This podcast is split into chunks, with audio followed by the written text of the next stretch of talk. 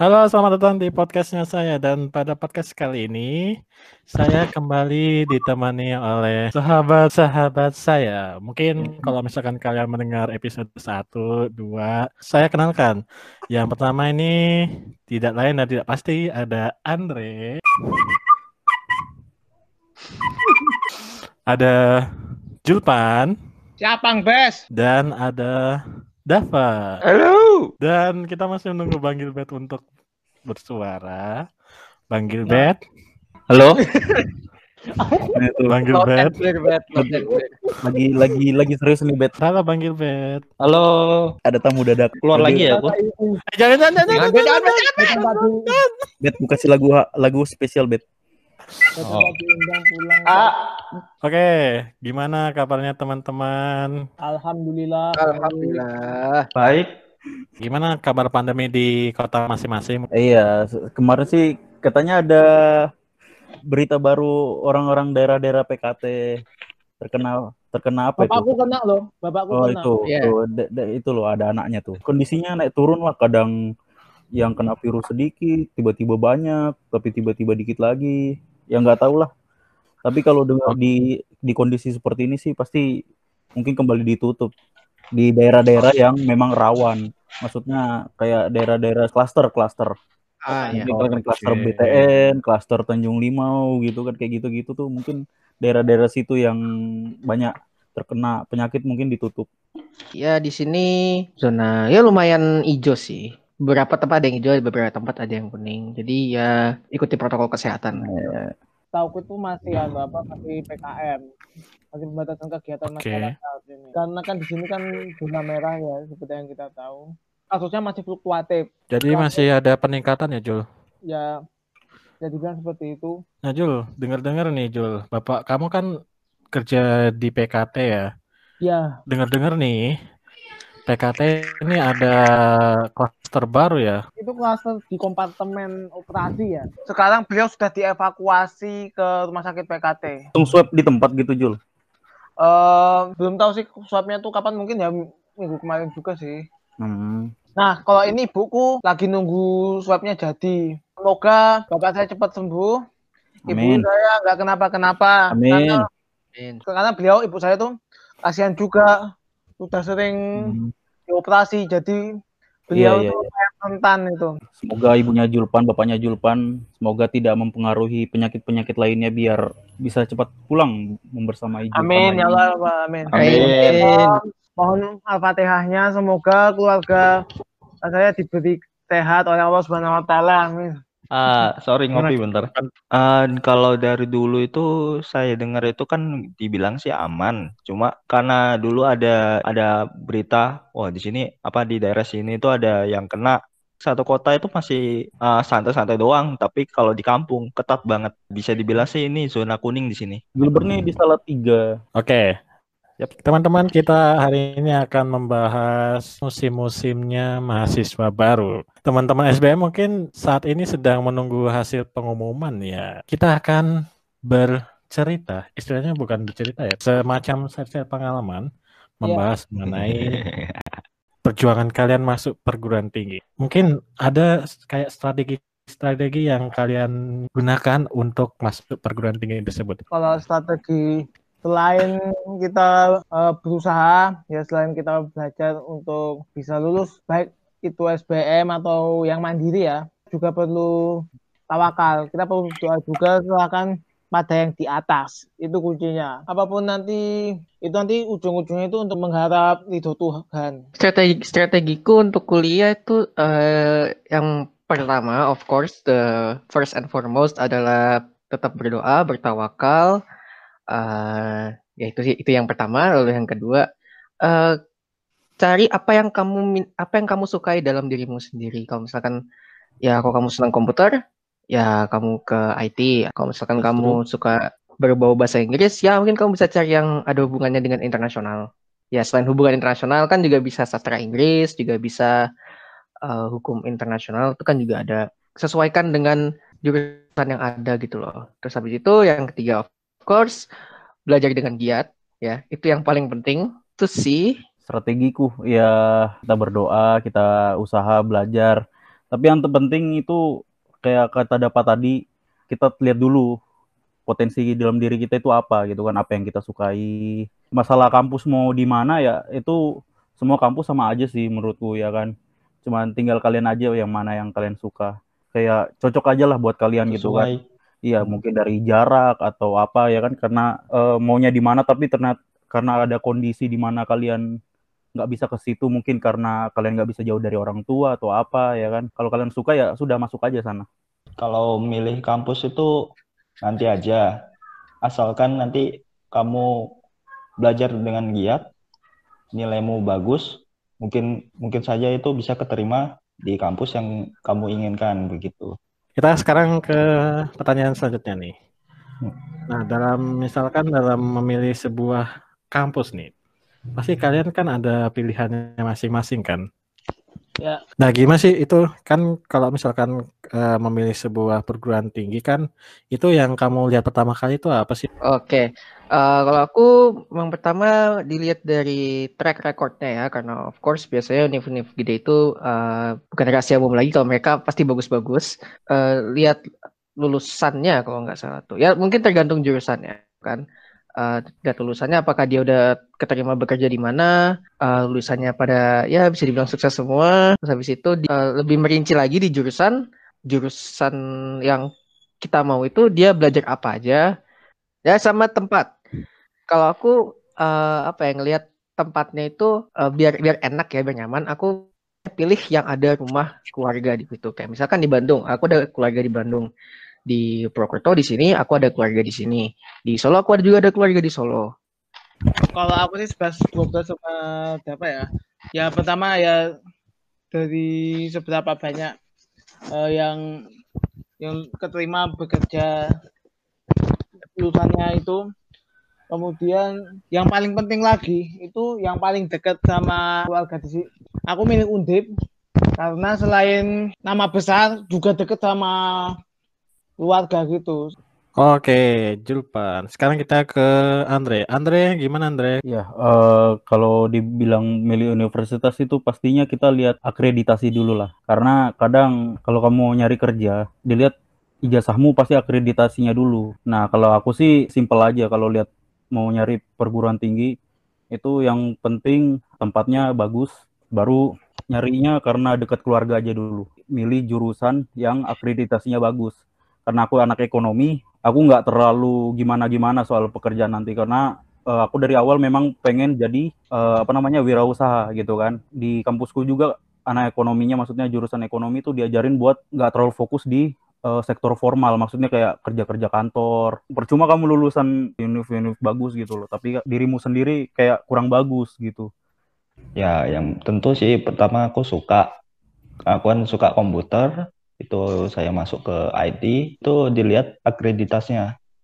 Kalau kan dulu kan ada aku terima di dua di manajemen akreditasnya B di IT akreditasnya A.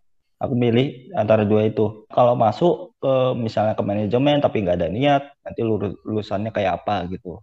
Memilih universitas itu apakah karena paksaan dari orang tua atau bagaimana nih nggak ada paksaan.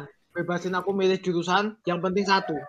Uh, pesan beliau berdua di dari Bontang lalu kamu harus belajar benar-benar seperti itu. Oh setuju setuju setuju. Kalau aku sih gimana ya bilangnya? Karena milih kampus ya karena kondisi aja sih.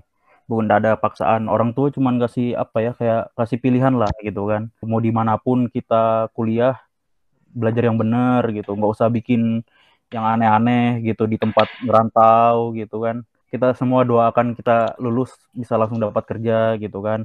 Itu aja. Ya aku sendiri gak, gak ada paksa orang tua kayak oh kamu kamu sukanya di mana ya udah situ nggak apa-apa. Orang tua juga sama berpesan yang baik-baik sana jangan aneh-aneh lah.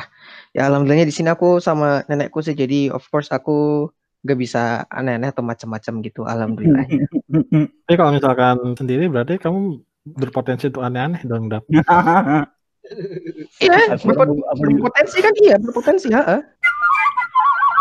yo bumper bumper kenapa sih kalian itu memilih untuk kuliah untuk uh, setelah sekolah ini kenapa nggak kerja atau mungkin nikah? Itu ingin sih pengen kerja, cuma mikir itu kuliah dulu. Kerja atau kuliah. Jadi kalau kamu kuliah, itu misalnya kamu da dari D3, S1, atau S2, uh, ngambil kerja, itu dilihat itu rapot yang dari S1 atau S2, atau D3, kayak gitu. Hmm, hmm, hmm, Jadi milih kuliah dulu. Uh, kalau aku milih kuliah ini ya, karena kan waktu waktu zaman udah berubah, terus sistem juga udah berubah. Yang di kan sekarang kan kebanyakan kan sekarang kebanyakan yang diperlukan itu kan ya urusan urusan sarjana di, di kerja kerja kantor seperti itu dengan kuliah ini kita juga bisa belajar untuk berlatih untuk meningkatkan keterampilan seperti itu. Oh betul betul betul betul. Ke Dava, gimana Dap? Kenapa nggak langsung nikah aja Dap? Iya. Kalau aku mendingin kuliah dulu, kenapa? Karena seperti yang dikatakan sama Julpan tadi, yang uh, kalau misalkan kita uh, lulusan S1 sama lulusan SMA kalau keterima di kerja itu pasti beda ininya bidangnya. Biasanya kalau SMA itu dia yang uh, agak-agak kasar, sementara kalau misalkan dia lulusan sarjana, dia itu biasanya kerjanya yang uh, kurang lebih di kantoran gitu. Itu juga beda. Jadi makanya aku lebih baik kuliah dulu. Sama kuliah itu kita bisa menambah relasi. Habis itu kalau setauku kuliah itu uh, kita kayak kita juga membuka kayak wawasan baru itu of course sama juga kayak melihat uh, suatu masalah itu dari sudut pandang lain. Kayak kan kita kan khususnya aku jurusan hubungan internasional kayak kita tuh memandang satu masalah nih. Tapi kita melihat dari sudut pandang yang berbeda itu kayak mana. Mikir dari satu sudut pandang doang, tapi kita juga bisa melihat dari sudut pandang lain sehingga kita nggak langsung nge nggak langsung ngejudge gitu loh. Nah, kalau misalkan mau langsung nikah sih sebenarnya bisa-bisa aja. Calonnya udah ada, tapi apakah aku mau hidup terus-terusan bergantung dengan orang tua. Kalau misalkan aku nikah sekarang, aku mungkin tinggal sama orang tuaku. Apakah itu nggak kayak malu-maluin gitu loh? Ya aku mending kuliah dulu lah. Jadi... Sabar, sabar dap, sabar dap. Jangan emosi. Mending... Jangan emosi dap. Jangan. Ya ini ini, ini sebenarnya. Aku mau nikah dap, tapi tolong sabar sabar.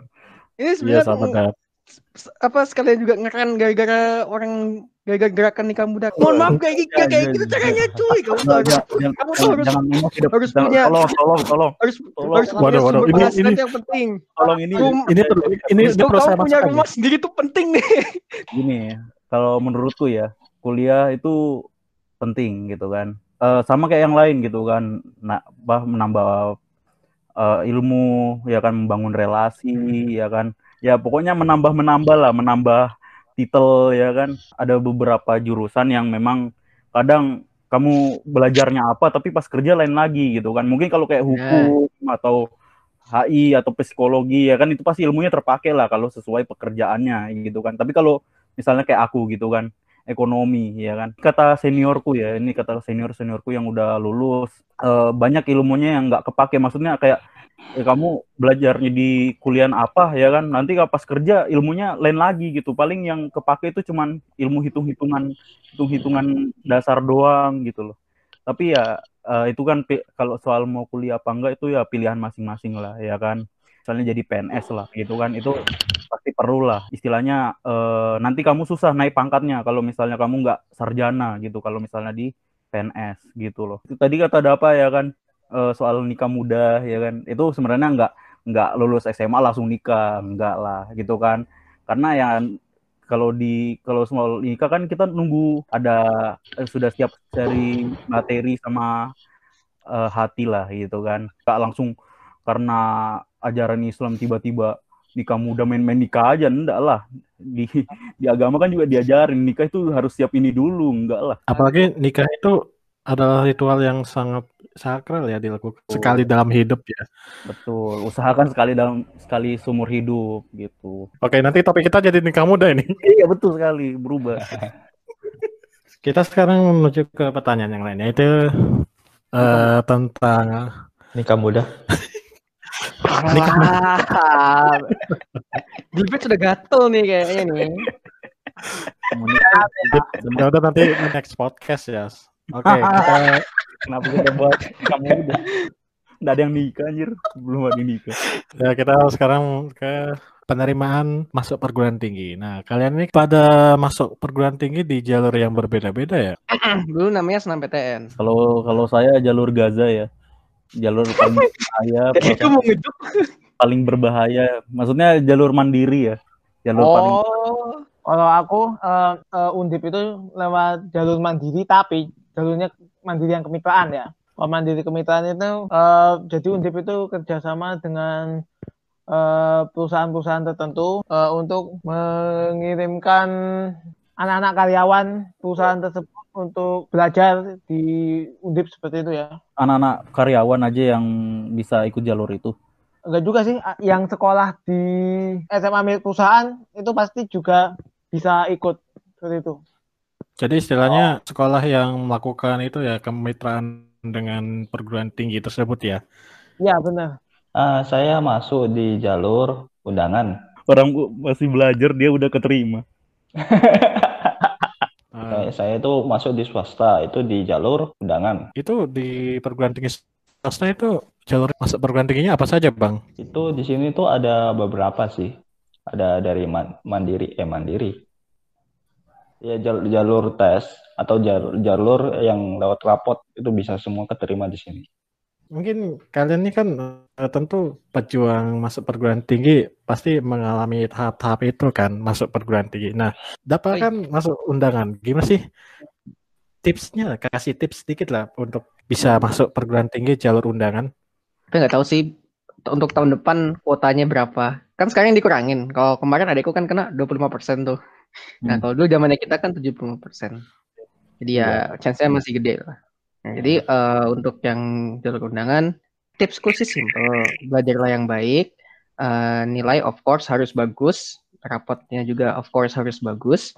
Dan juga jangan lupa untuk eh, cari prestasi sebag- sebagus apa pun itu. Kalau dulu aku ada dua prestasi olahraga ya. Jadi ya alhamdulillah itu bisa istilahnya mendorong gitulah. Bang Gilbert, Bang Gilbert bisa mungkin ceritakan lah pengalaman ketika masuk Undangan melalui jalur undangan. Ah, ceritanya begini, aja. pas eh, mereka itu kan eh, teman-temanku yang ini, yang SMA itu yang dulu lagi tryout tryout gitu, nyoba jalur tesnya itu, ya saya Iya. di situ udah keterima sih. Tapi itu pakai nilai rapot kan. Iya, Hmm, hmm, hmm, hmm, hmm. Kayaknya walaupun Bang Gilbert ini suka main tapi nilainya bagus ya di atas 90 ya, Bang. Oh iya, suruh Dota membuat Lama- 80 sih. Kalau namanya kalau game sama pelajaran itu game itu nggak nggak mempengaruhi untuk belajar. Kalau misalnya kamu belajar terus di eh, kamu nggak ada main game itu kamu bakal bakal stres di situ. Misalnya eh, enam ka- enam hari itu kamu belajar, minggunya itu kamu main game nggak apa-apa atau mau kamu jalan kayak atau mau jalan sama teman kayak atau Tapi kamu sendiri gimana, Bet? Apakah enam hari main, satu harinya belajar gitu? Atau gimana, Bet? Yang penting bisa membagi waktu ya. Oh, betul, betul, betul. Eh, perjuangan masuk perguruan tinggi. Eh, begitu naik kelas 12 aku ya ikut bimbel gitu ya. Sebagai bagian dari usahaku untuk mempersiapkan baik itu SBM maupun ujian mandiri. Karena kita sering latihan soal, nanti kita nggak bakalan heran, nggak bakalan asing sama Betul, betul. ujian yang seperti itu. Ini kan sistem itu kalau jawaban kalau benar itu dikasih 4 poin. Eh, kalau nggak dijawab nol. Tapi kalau jawab musa itu salah itu dikurangi satu. Minus, minus Oh, satu. satu. Eh, jadi tipsnya seperti ini untuk kalau kamu ngerjain soal SBM atau soal mandiri, kamu kerjain aja yang gampang. Kamu nggak bisa, sebaiknya eh, lewatin aja gitu. Setuju, setuju, setuju. setuju. Kehilangan poin kan? Berarti pilihanmu adalah pilihan yang tepat ya, Jul. Ya, Oh, aku masuk mandiri, maksudnya jala, jalur paling terakhir, ya kan.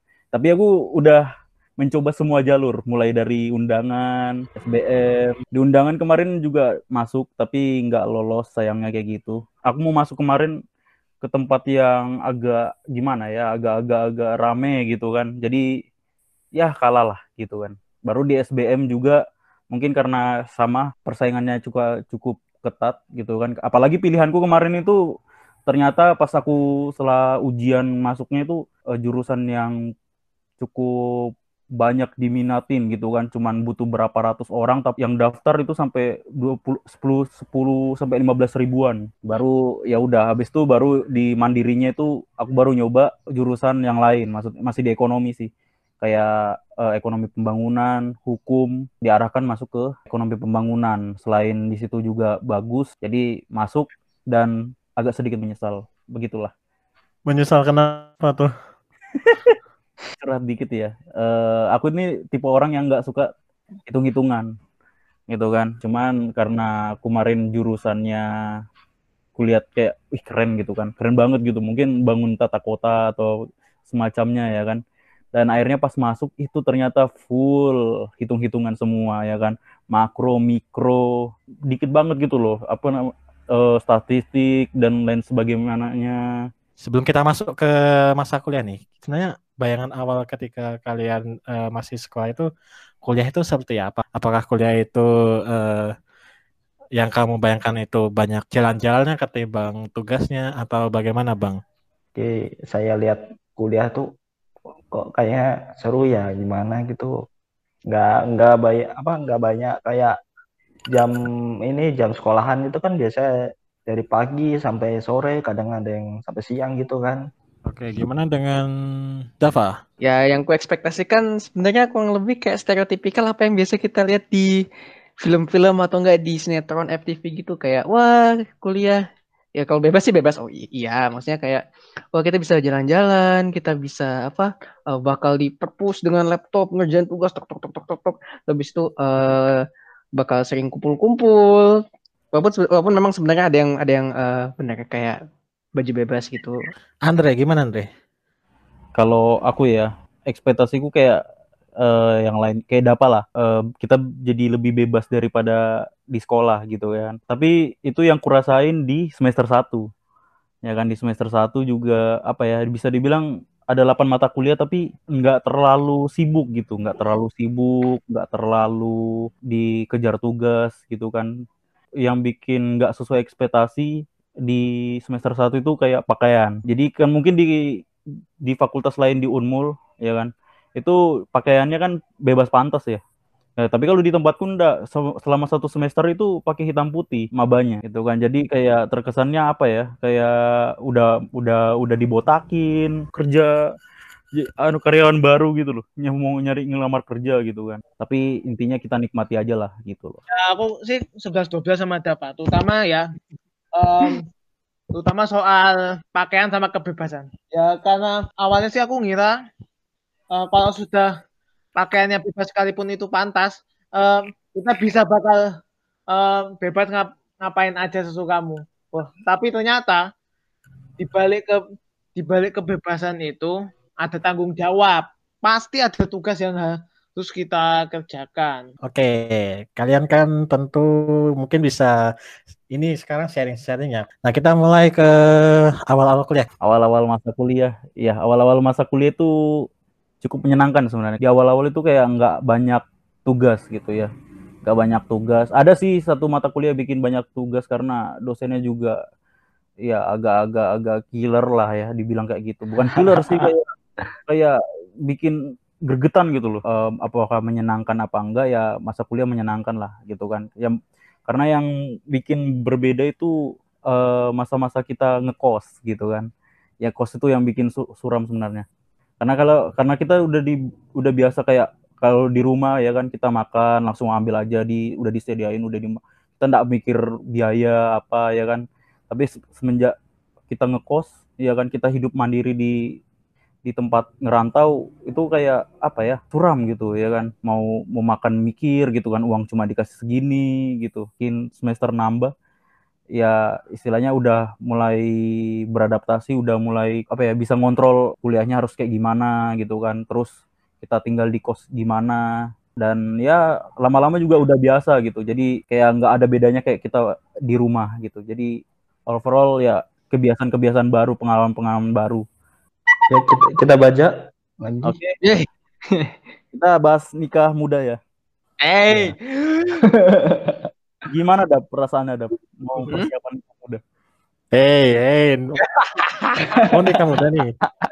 Ngawan awal masa kuliah kayak pertama-tama kuliah tuh kayak wah ternyata begini tuh kuliah wah kuliah tuh kayaknya asik ya awal-awal ya ya di jurusanku kan ada mata kuliah namanya ekonomi internasional kan. Itu kan uh, pokoknya yang berhubungan sama ekonomi itu biasanya uh, yang dasar-dasarnya uh, anu kan pakai uh, ngundang dosen luar kan. Maksudnya luar luar fakultas ke fakultas sebelah kan ke fakultas FEB nah itu kayak mana ya dosennya tuh kayak bisa dibilang killer sih iya. Pelit ngasih nilai juga iya serius. Jadi jadi ternyata nggak cuma angkatanku loh tiga angkatan ke bawah juga jadi korban uh, jurusanku itu bisa dibilang salah satu jurusan paling santuy di fakultasku. Karena ini, ini ya misalnya ya uh, jadwal datang setengah tujuh. Iya. Yeah. kita kayak uh, ngadain kontrak pembelajaran kan. Kontrak pembelajarannya jam jam berapa? Ininya mulainya jam 8 eh jam 8 jam 7 jadi ya jadi ya kayak orang-orang tuh bisa apa ya bisa uh, datang telat gitu loh. Ya sama perkuliahan juga aku juga membangun relasi aku juga ikut UKM KM gitu kan. Uh, ikut HMJ juga. Ya ikut walaupun bentar doang. Kurang lebih begitu sih untuk awal-awal maba. Ya, jadi kalau nikah nikah muda kan dia. jadi awal-awal ini masa kuliah itu uh, pelajarannya kok gini cuma jamnya segini doang. Ya, di sini tuh ada yang namanya ya saya lihat itu bisa dibilang dosen killer, ada juga dosen yang paling baik. Dosen killer itu kayak apa ya? kamu satu semester itu dia nggak datang sama sekali. Jadi pas terakhirnya itu kamu dikasih langsung dikasih tes. Jadi aku gimana mau belajar gimana? Aku pernah nger aku ngerasain, aku ngerasain. Alasannya itu dosennya bilang cuma Pak eh, kita udah di kelas ini Pak. Dosennya di cuma di read, dibaca, bilang saya nggak ada kelas hari ini. Oh ya sudah. Kalau dosen yang paling baik itu itu dia kita kayak uh, mau tes atau mau presentasi ditanya kamu kamu nilai berapa? Iya aku saya pernah bilang A, A plus pak dikasih ditulis A plus ya gitu dosen baik. Waktu kuliah ya kita tiap tiap dosen itu punya karakter yang beda-beda. Aku pernah jawab aku meleset, aku pernah disuruh apa nggak ada apa nggak ada lagi soal itu berulang uh, 25 kali gitu. Diulang 25 Aku kali. tahu rasanya. Bagaimana sih ospek ospek di kampus kalian? Dulu itu bisa dibilang ospek ospek di tempat situ itu ya dibilang killer sih. Kita disuruh disuruh rambut itu minimal setengah senti, pakai baju putih, celana hitam, terus di ini dijemur di lapangan sampai malam. Mm-hmm. Jadi kalau malam itu kelihatan kayak tuyul ngumpul di situ.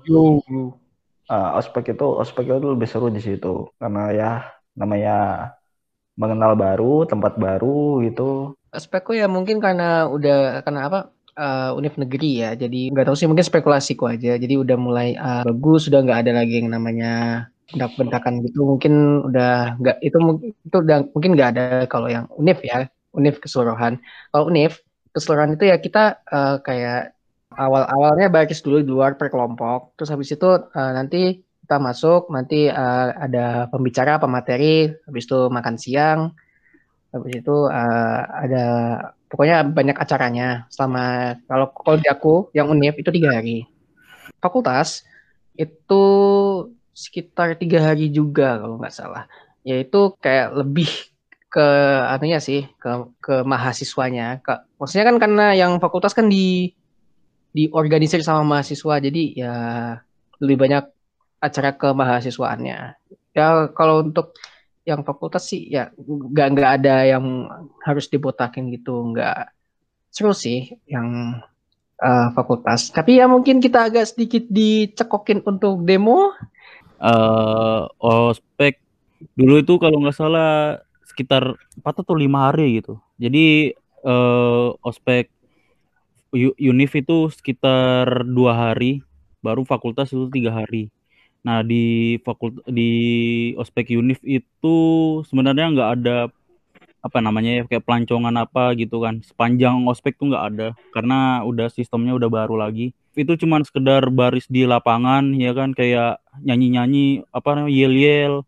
Baru habis itu masuk ke gor ya kan kayak ya dengerin anu lah ceramah-ceramah dari apa petinggi-petinggi univ. Tapi yang lucu itu ada di situ satu cerita satu fakultas itu ada yang kayak apa ya kayak mereka tuh kayak punya aturan sendiri lah ya kan punya aturan atau suka suka suka suka sendiri gitu.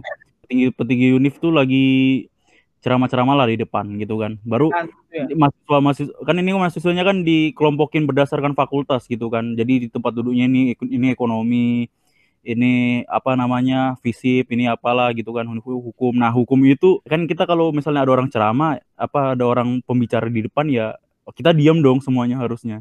Ini enggak. Ini mereka malah yel yel orang-orang orang lagi bicara di depan ya mereka yel yel dan udah ditegur berapa kali gitu. Akhirnya mereka kayak diusir diusir. Jadi satu fakultas tuh nggak ada di situ. Pagi sampai jam 12 nanti lanjut lagi jam 2 sampai sore. Nah pas sore itu mereka datang lagi ya hukum. Tapi mereka kan kalau ospek pakai hitam putih. Nah mereka pas datang ke maksudnya kayak eh, jam 2 itu yang kloter kedua itu mereka pakai baju bebas. Pakai baju bebas. Baru pas eh, apa namanya rektor bicara rektor kayak lihat kok hukum nih pakai baju bebas sendiri? Akhirnya akhirnya mereka diusir lagi kayak gitu. Nah di ospek jurusan itu cuma sekedar kayak ngumpul di lapangan baru masuk kelas. Masuk kelasnya tuh kayak cuman pengenalan masing-masing jurusan lah. Jurusannya nih uh, dosen-dosennya siapa gitu kan. Nah, Itu yang pakai baju bebas itu mahasiswa barunya kah atau? Jadi gini itu sebenarnya eh, kita bilangnya masalah senior gitu kan. Mereka itu nggak diatur sama sama orang-orang akademik gitu. Mereka kan diatur sama mahasiswa. Memang sih semuanya diatur sama mahasiswa cuman eh, mahasiswa ini kayak agak nyeleneh gitu. Agak liar gitu ya?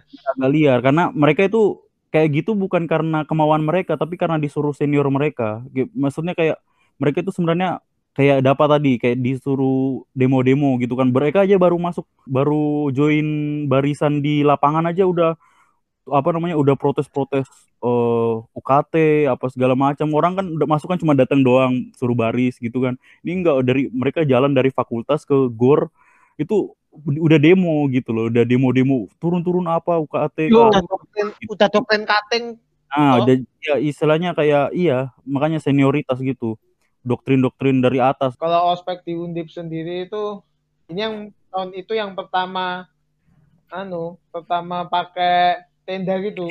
Jadi eh, para peserta upacara nggak bakal kepanasan lagi. Hari Selasa sampai Sabtu ya ospek di tingkat fakultas sekaligus jurusan.